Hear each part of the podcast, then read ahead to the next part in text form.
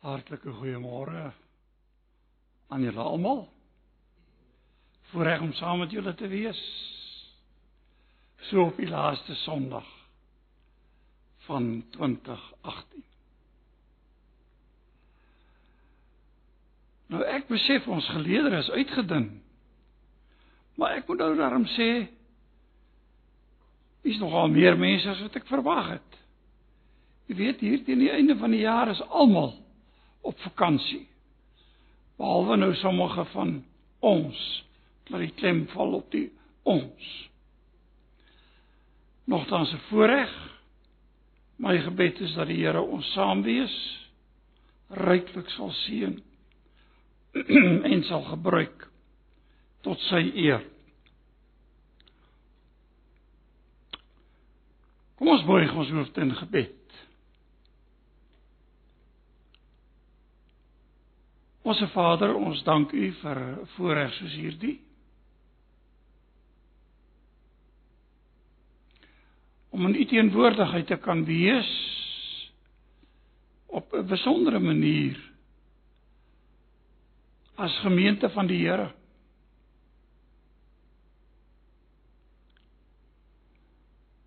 As U eiendom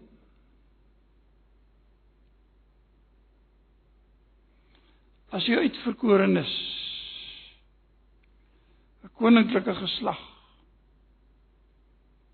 'n heilige priesterdom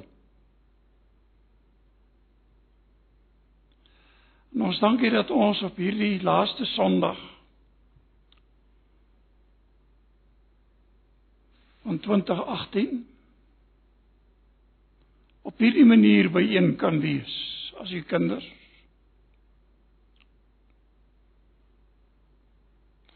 maar bowaal ook rondom u woord. Ons dank u dat u vir ons nie as wese agtergelaat het nie. Dat u u gees gestuur het. Dat u u woord vir ons gegee het. En dat u woord en u gees saamwerk om ingrypende veranderings in ons lewe teweeg te bring. Dankie vir vir die voorreg om U te kan aanbid.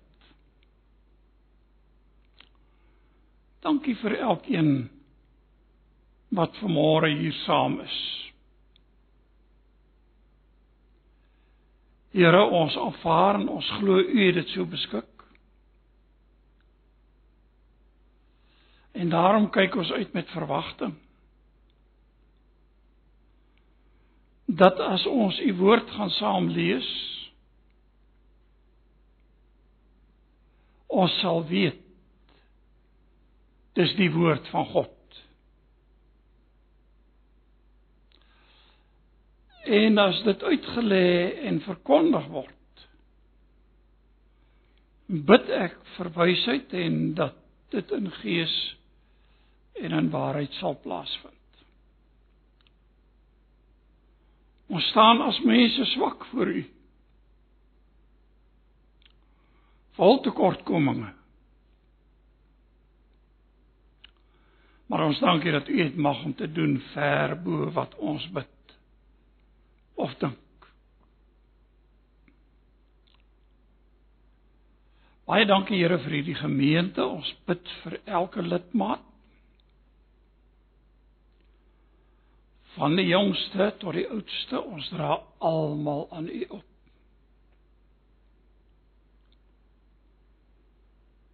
Vir alles ons dink aan 'n jaar wat voorlê. Dat U vir ons sal bystaan. En dat U sal gee dat die nuwe jaar wat kom 'n baie besondere jaar sal wees veral in die lig van die prediking van u woord. En dat u in ons harte 'n nuwe verlange sal skep na die dag wat Jesus weer kom.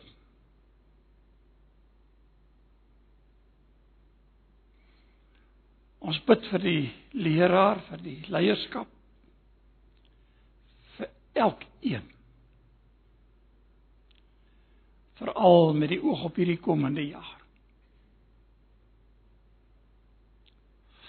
Ons bid vir u werk in ons land en vir die verkondiging van u woord oor die wêreld heen.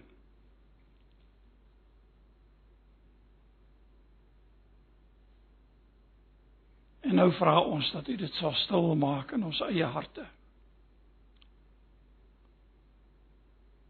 Want ons bid dit in Jesus naam. My dank. Amen.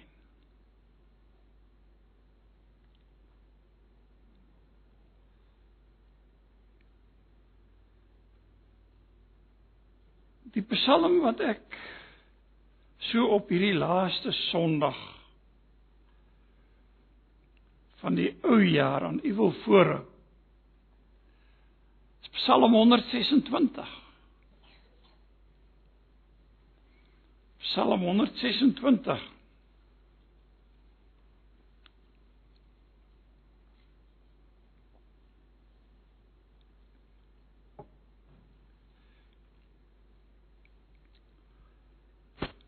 Een van die redes is hierdie Psalm 'n baie baie aangrypende Psalm.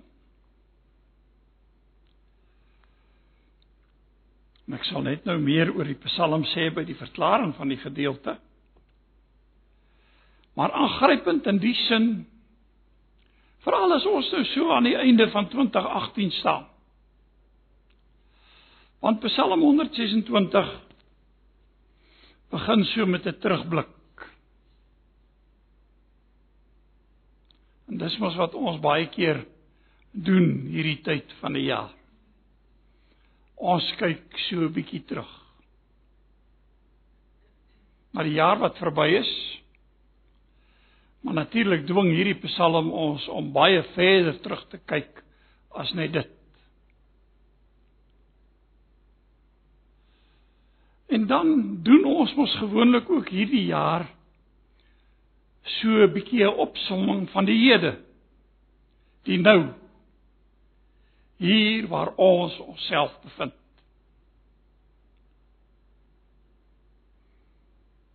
En dan is daar mos die koms van 'n nuwe jaar. Wie weet?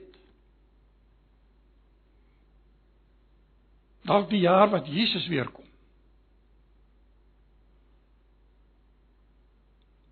Maar ons kyk vorentoe hierdie tyd van die jaar. En weet julle dis presies wat Psalm 126 doen. En ek wil hê julle moet oplet as ons dit nou gaan saam lees. Maar die blik op die verlede die opsomming van die hede en die verwagting van die toekoms. Let daarop. Psalm 126 en ek begin daar by vers 1 'n pelgrimslied. Toe die Here die lot van Sion verander het, was dit vir ons soos 'n droom. Ons mond het gelag ons tong het gejubel. Onder die nasies het hulle gesê die Here het groot dinge aan hierdie mense gedoen. Die Here het groot dinge aan ons gedoen. Ons was bly. Verander tog ook nou ons lot, Here soos u droë spruite in die suidland in waterstrome verander. Wie met trane saai, sal die oes met gejuig inbring. Al loop hy en huil terwyl hy die saaisak dra, Hy kom juigend terug terwyl hy sy gerwe dra. Psalm goed bekend by almal van ons. Maar het jy opgemerk die psalmis se terugblik na die verlede? Sy realisme ten opsigte van die hede? En sy vooruitsig na die toekoms. Want dis presies hoe hierdie Psalm na vore kom. Nou die agtergrond van die Psalm en dis altyd dis nie altyd so maklik om om uh, presiese agtergrond van al die psalms daar te stel nie. Ek persoonlik is oortuig dat hierdie 'n verwysing is na die terugkeer van die volk uit ballingskap, Babiloniese ballingskap. Trouwens die NIV New International Version het dit dan ook so vertaal. Hy het dit direk vertaal deur te sê toe die ballinge teruggekeer het. When the Lord brought back the captives of Zion, so lees die NIV. Toe die Here die lot van Sion verander het. So hier is die terugblik. En weet julle in hierdie Psalm in enige situasie soos hierdie, jy weet daar is die mooi in die vrolikheid en die lag en die traan. En ek weet nie of julle opgemerk het nie dat hierdie Psalm op 'n besondere manier die lag en die traan bymekaar uitbring. Want hierdie Psalm gaan terug letterlik na die verlede. En hy kyk terug en hy sê toe die Here die lot van Sion verander het. Hier is die blik op die verlede. Die Here het die lot van Sion verander. En dan as sou 'n mens terugkyk en dink aan die ballingskap en die terugkeer uit ballingskap, dan kan 'n mens verstaan die vreugde wat dit teweeggebring het, want die Here self het ingegryp. En ek wil hê u moet oplet, die naam Here, die verbondsnaam Jahwe word telkens in hierdie Psalm gebruik. 'n Hele paar keer. Kyk saam met my daar reg aan die begin, die Here het die lot van Sion verander. Die Here het groot dinge aan hierdie mense gedoen. Die Here het groot dinge aan ons gedoen. Verander nou ook ons lot, Here. Met ander woorde, dit gaan hier om iemand. Dit gaan in die hele Psalm wat die verlede, wat die hede en wat die toekoms betref oor die lewende God, die God van Abraham, Isak en Jakob, die God en Vader van ons Here Jesus Christus. Dis oor hom wat dit hier gaan. En as hierdie Psalm terugkyk na die verlede, dan sê hy toe die Here ingegryp het, toe die Here die lot van Sion verander het. En Sion natuurlik hier verwysend ag na die volk van God wat in soveel elende was, wat in soveel hartseer was, wat in soveel pyn was. En weet jy, dit was 'n ingrype en ek wil hê jy moet mooi saam met my daaroor dink. 'n Ingrype wat van God afgekom het en van hom alleen sonder dat die volk iets daarmee te doen gehad het. Want weet jy as ons sou terugkyk na die ballingskap periode dan bevind die volk hulle in haglike omstandighede in die vreemde weg van hulle land af. Die tempel is verwoes. Ag wat 'n elende. En hier sit hulle in hulle elende en hulle bekla hulle lot. Lees in die psalms daarvan. Ag daar's soveel gedeeltes om daaroor te lees. En in hulle elende en in hulle moeilikheid kom daar 'n wild vreemde koning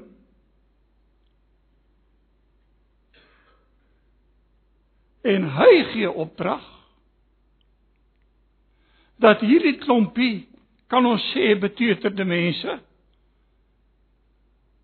kan terugkeer na hulle eie land. Kan u sien die absolute ingrype van God? In sy almag in sy alwysheid volgens sy raadsplan dit wat hy bepaal het volvoer hy. En hy het beloof hulle sal teruggebring word uit ballingskap.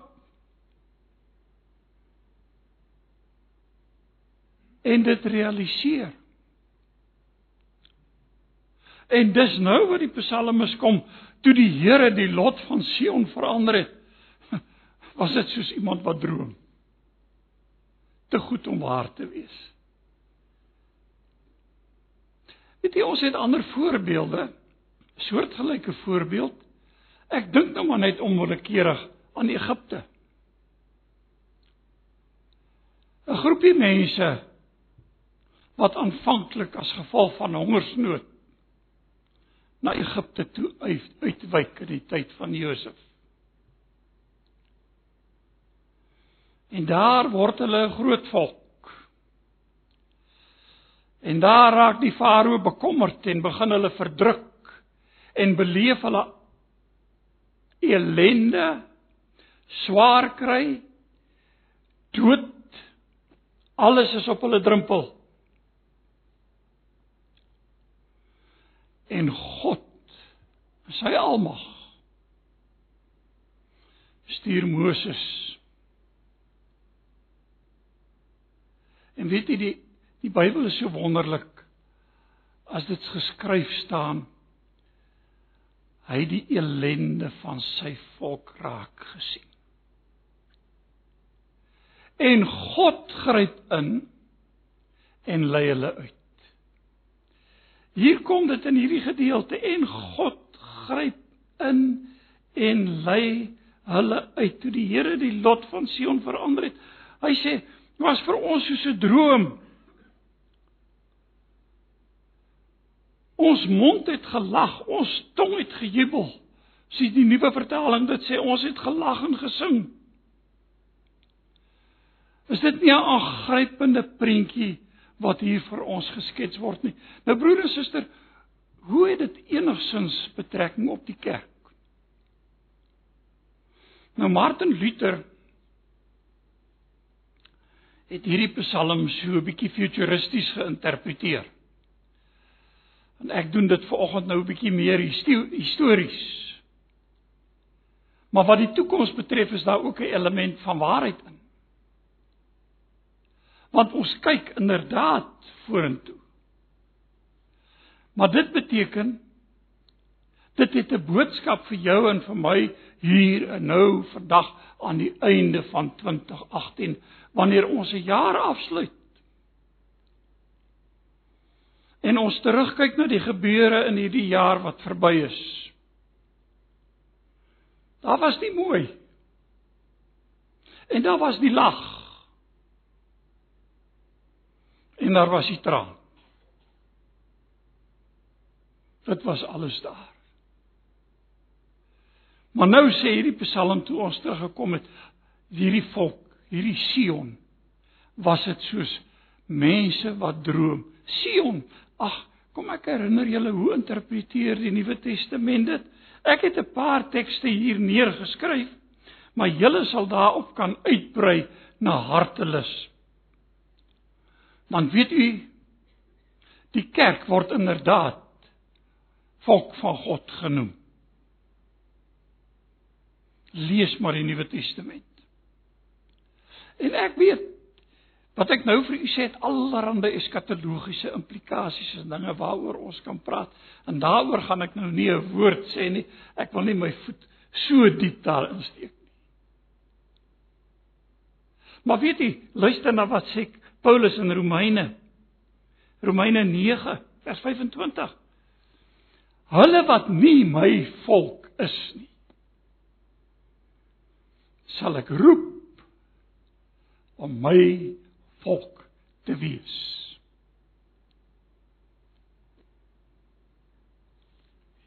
Hier sit ons. Kan ek sê die nuwe Sion? Hier is ons bymekaar. Ag, Romeine 11 waar Paulus praat oor die toekoms van Israel. Luister wat sê hy en jy wilde olyf. Wie's die wilde olyf? Dis die heidene wat tot geloof gekom het. Dis die wilde olyf. Ek en jy is deel van die wilde olyf. Ek en jy is deel van die klippe waaruit God vir 'n volk verwek het. Wat sê hy? En jy wilde olyf is tussen die ander takke op die mak olyfboom ingeënt. Die mak olyfboom hier verwys dit na Israel, maar nou moet jy onthou Romeine sê ook in dieselfde gedeelte, hierdie takke is afgekap, die van die mak olyfboom weens hulle ongeloof. En dan sê die Bybel vir ons en julle moet mooi oplet. God is magtig om hulle weer in te ent as hulle nie in ongeloof bly volhard nie. So onderwerp vir 'n ander keer. Maar ons is ingeënt op hierdie olyfboom. En hierdie is 'n aanhaling wat Paulus gemaak het uit Jesaja. Paulus sê dit. Paulus sê hulle wat uit die geloof is, is kinders van Abraham. Onthou hulle wat uit die geloof is, is kinders van Abraham. Ons glo mos aan regverdiging deur die geloof. Deel van die vyf solas geloof alleen. Hulle wat uit die geloof is. En weet jy Petrus sê dieselfde ding. En Petrus sê dit verskriklik mooi. Luister hoe stel hy dit in 1 Petrus 2 vers 9. Vir wie skryf hy? Petrus skryf aan die vreemdelinge van die verstrooiing. Dis aan die kerk. Aan die gelowiges uit alle nasies, volke en tale. Uit almal denkbaar wat aan die Here Jesus behoort. Hy sê: "Julle daarenteen is 'n uitverkore volk, Onthou jy hoe dit op Israel van toepassing was? 'n Koninklike priesterdom, 'n nasie of 'n volk wat vir God afgesonder is, die eiendomsvolk van God. Die volk wat die verlossingsdade van God moet verkondig van hom wat julle uit die duisternis geroep het na sy wonderbare lig. Julle was vroeër geen volk nie, maar nou is julle volk van God. Ons kan hierdie Psalm saam uitjubel vanmôre toe die Here die lot van Sion verander het. Toe jou en my lot verander het. Want waar kom ons vandaan? Julle wat geen volk was nie, maar nou volk van God is.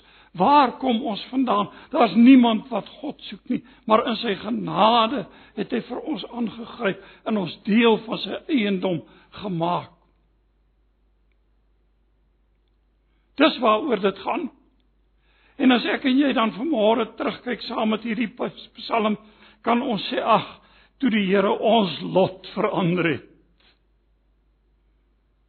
Toe die Here ons lot verander het, was dit soos in 'n droom.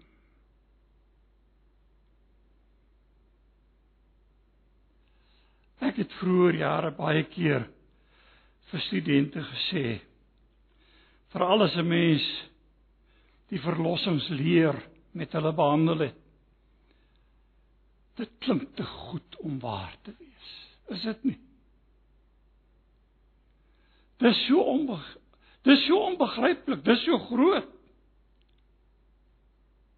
En nou kan ek en jy saam met die psalme sê, toe die Here ons lot verander het. Ja, dit was soos 'n droom. Ons het gelag. Ons mond het het gelag. Ons tong het gejubel. En dan gebruik die psalmes nogal hier iets. Nou ek gaan nou die groot woord noem, julle kan dit maar weer net so gou vergeet wat ek dit genoem het. Hy gebruik hier 'n sinonieme parallelisme. Wat beteken hy sê dieselfde ding so effens gewysig twee keer na mekaar om dit te onderstreep. Dis vir hom so belangrik. Dis so groot. Dis so 'n heerlike waarheid dat hy sê onder die nasies het hulle gesê die Here het groot dinge aan hierdie mense gedoen. En luister dan. Vers 3. Met herhaling. Die Here het groot dinge aan ons gedoen. Ja, onder die nasies, 'n tydjie gelede is daar gesê en ek kan van die psalms gaan lees waar daar gesê, "Waar is julle God?" En nou sê hulle onder die nasies het hulle gesê, "Die Here het groot dinge aan hierdie mense gedoen." En dan bevestig hierdie gedeelte en sê, "Dis so waar, die Here het groot dinge aan ons gedoen." Kan ons met hierdie oë vandag 'n bietjie terugkyk. Nie net na 2018 wat op sy rug lê nie. Maar verder terug. Heel wat verder terug. En jy sal net nou sien wat bedoel ek met heel wat verder terug. Want dit bring vir ons by daai tweede gedeelte in. In hierdie tweede gedeelte begin hier by vers 4. En weet jy vers 4 is as dit ware soos 'n spulpunt in hierdie hele Psalm. Want vers 4 begin met hierdie woorde verander tog ook nou ons lot.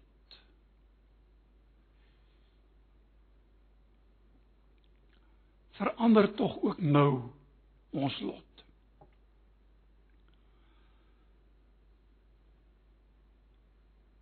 Hier skielik aan hierdie Psalm realisme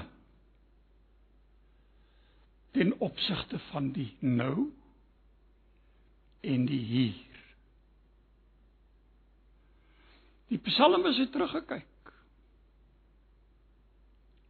Maar nou in hierdie konkrete gegewe situasie is daar 'n gebed, is daar 'n verlange, is daar 'n vraag, Here verander tog ook nou ons lot. Nou histories gesproke sou dit waarskynlik betrekking kon hê. Onthou u nadat die volk teruggekeer het uit ballingskap. Dit het alles behalwe goed gegaan aanvanklik. Hulle swaar gekry. Gaan lees maar Haggai. Haggai is een van een van die aangrypende boeke vir my wat hieroor handel.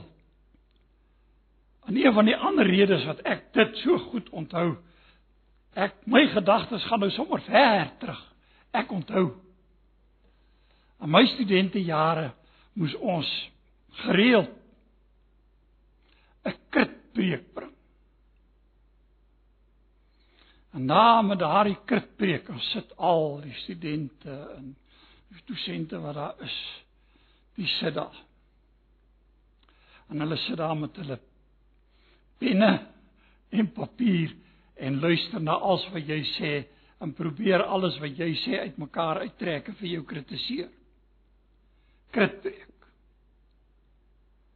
En ek onthou dit was 'n gedeelte uit Haggai wat ek gepreek het Onthou dit so goed, dit het vir my daai tyd so baie beteken. Waar die profeet kom. En hy sê kyk hoe gaan dit met julle? En ek lees dit vir julle hier in Haggai 1 vers 6. Julle het baie gesaai, maar min geoes. Julle het geëet,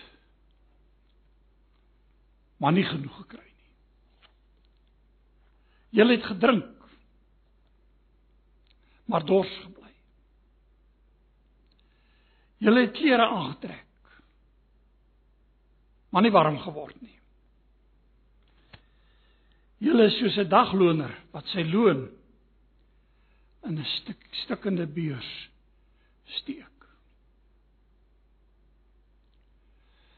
En ag as ons na omstandighede rondom ons kyk, dan lyk dit so amper asof hy sommer vir ons vanmôre ook iets wil sê.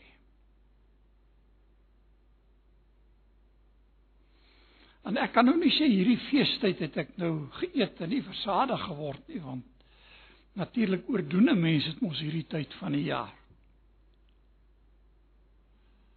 Maar in baie ander opsigte as ons kyk dan sê ons ai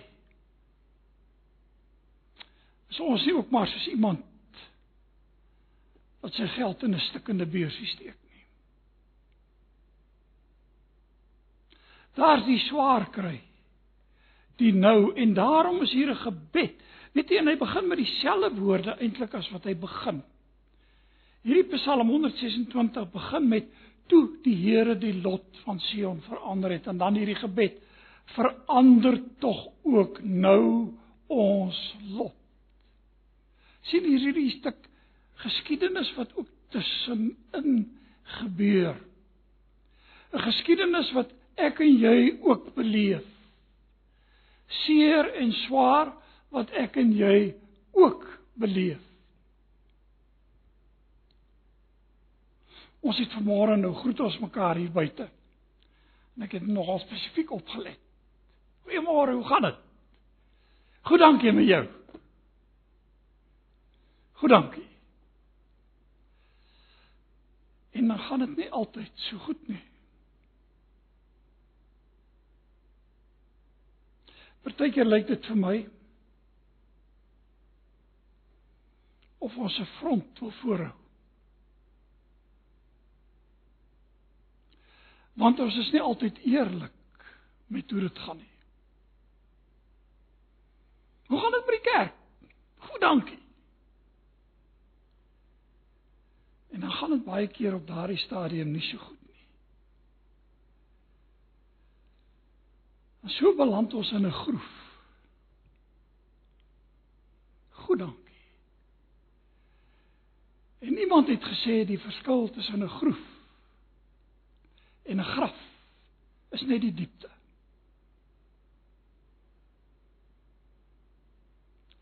Want jy sien broer en suster, ek en jy mag ons harte voor God uitstort. Ons mag voor hom kla.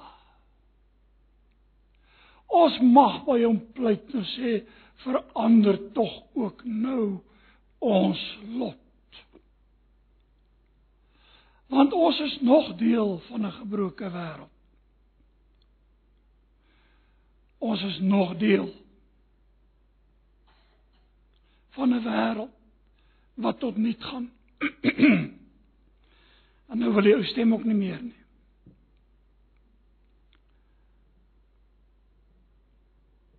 Ons mag kla. Die psalmes het dit gedoen.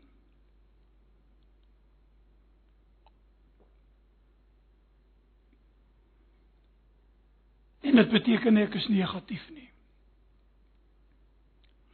Want jy sien as die psalme As die psalmis klaar, is hy eerlik en nou bid hy, Here, verander hierdie droë spruite van die Suidland, sien Negev woestyn. Verander dit soos waterstrome. Nou jare terug met Nelly en ek sommer die karavaan gevat en gaan blomme kyk hier aan die Weskus. Wat 'n belewenis. 'n Dorre, droë wêreld. Wat 'n oogwink omskep. Soos 'n blommetuin. Ek het nogal daar gesê, God se tuin bly die mooiste. Ons kan nie so mooi tuin maak nie. Dis onmoontlik. En dis in hierdie konteks. En luister wat sê hy dan? Hy het na die verlede gekyk. Materialisme vir die hede en nou party. Want hy kyk vorentoe. En wat sê hy? Hierdie woorde het my so aangegryp. Wie met trane saai, sal die oes met gejuig inbring. Al loop hy en huil terwyl hy die saadsak dra. Hy kom juigend terug. Terwyl hy die gerwe dra. Sy geloofsuitspraak. Dis 'n vertrouenspsalm. Dis 'n vertrouensuitspraak. God sal sy woord laat geskied. God sal sy beloftes nakom. Ja, nou gaan dit met trane gepaard. En baie keer is dit met trane wat daar gesaai word.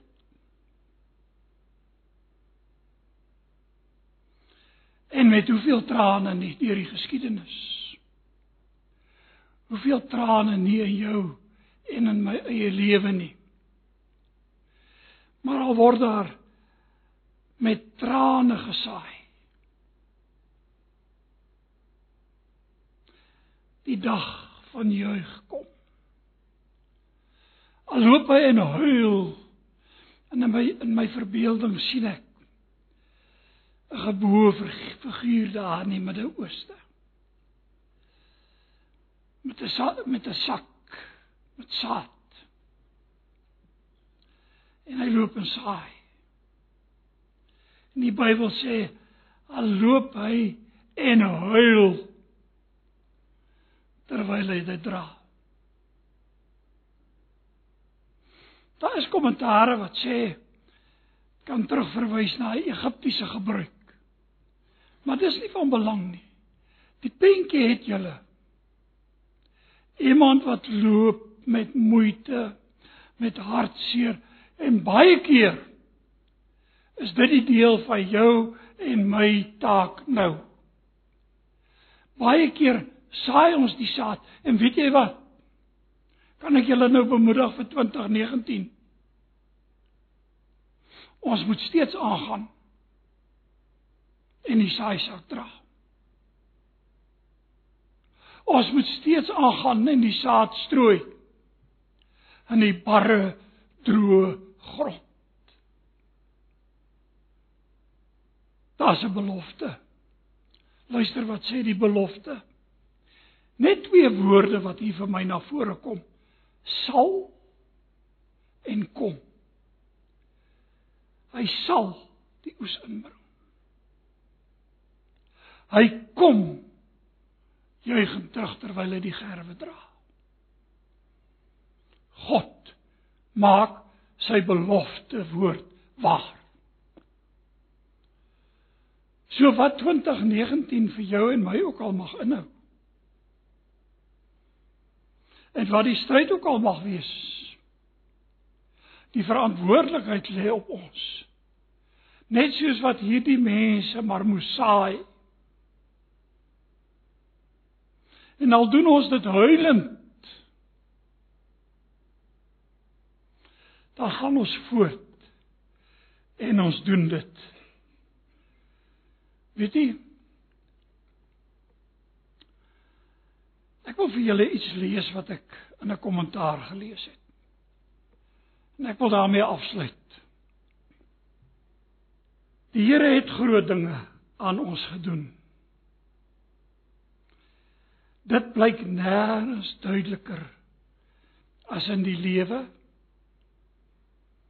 sterwe en opstanding van Jesus Christus nie. Hy stort ook sy trane.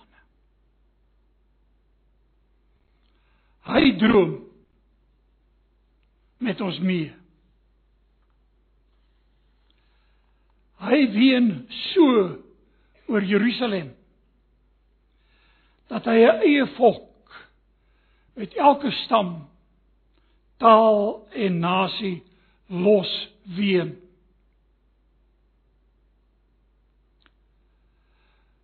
Hy ween so oor Lazarus dat hy sy graf oop en leeg ween.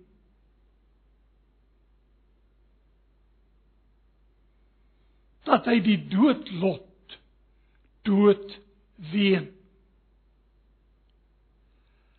Hy ween so oor alle verlore saad dat 'n groot oes hom navolg. Dat hy die eersgeborene word onder baie broers. Hy ween so dat hy die saaier self saad word. Dat meer as net saad of trane in die grond val. Maar sy bloed Hy onderwerf hom aan ons lot en oorwin ons lot. Uiteindelik is selfs die graf maar 'n vermomming van die opstanding. Die droom word bewaar.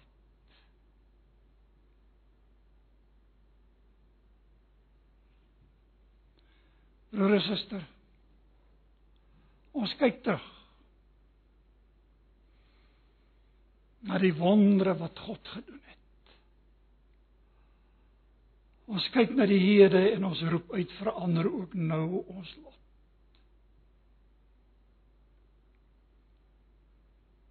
En ons kyk vorentoe. Want die droom gaan 'n waarheid word. Amen. Kom ons buig ons hoofde in gebed. Dankie Here vir hierdie ou tydjie so saam. Dankie vir die wonder van hierdie Psalm. En dankie vir die wonder van die kruis, die dood en die opstanding en die hemelvaart van ons Here Jesus Christus. Dankie dat ons vanmôre ook saam kan droom. Amen.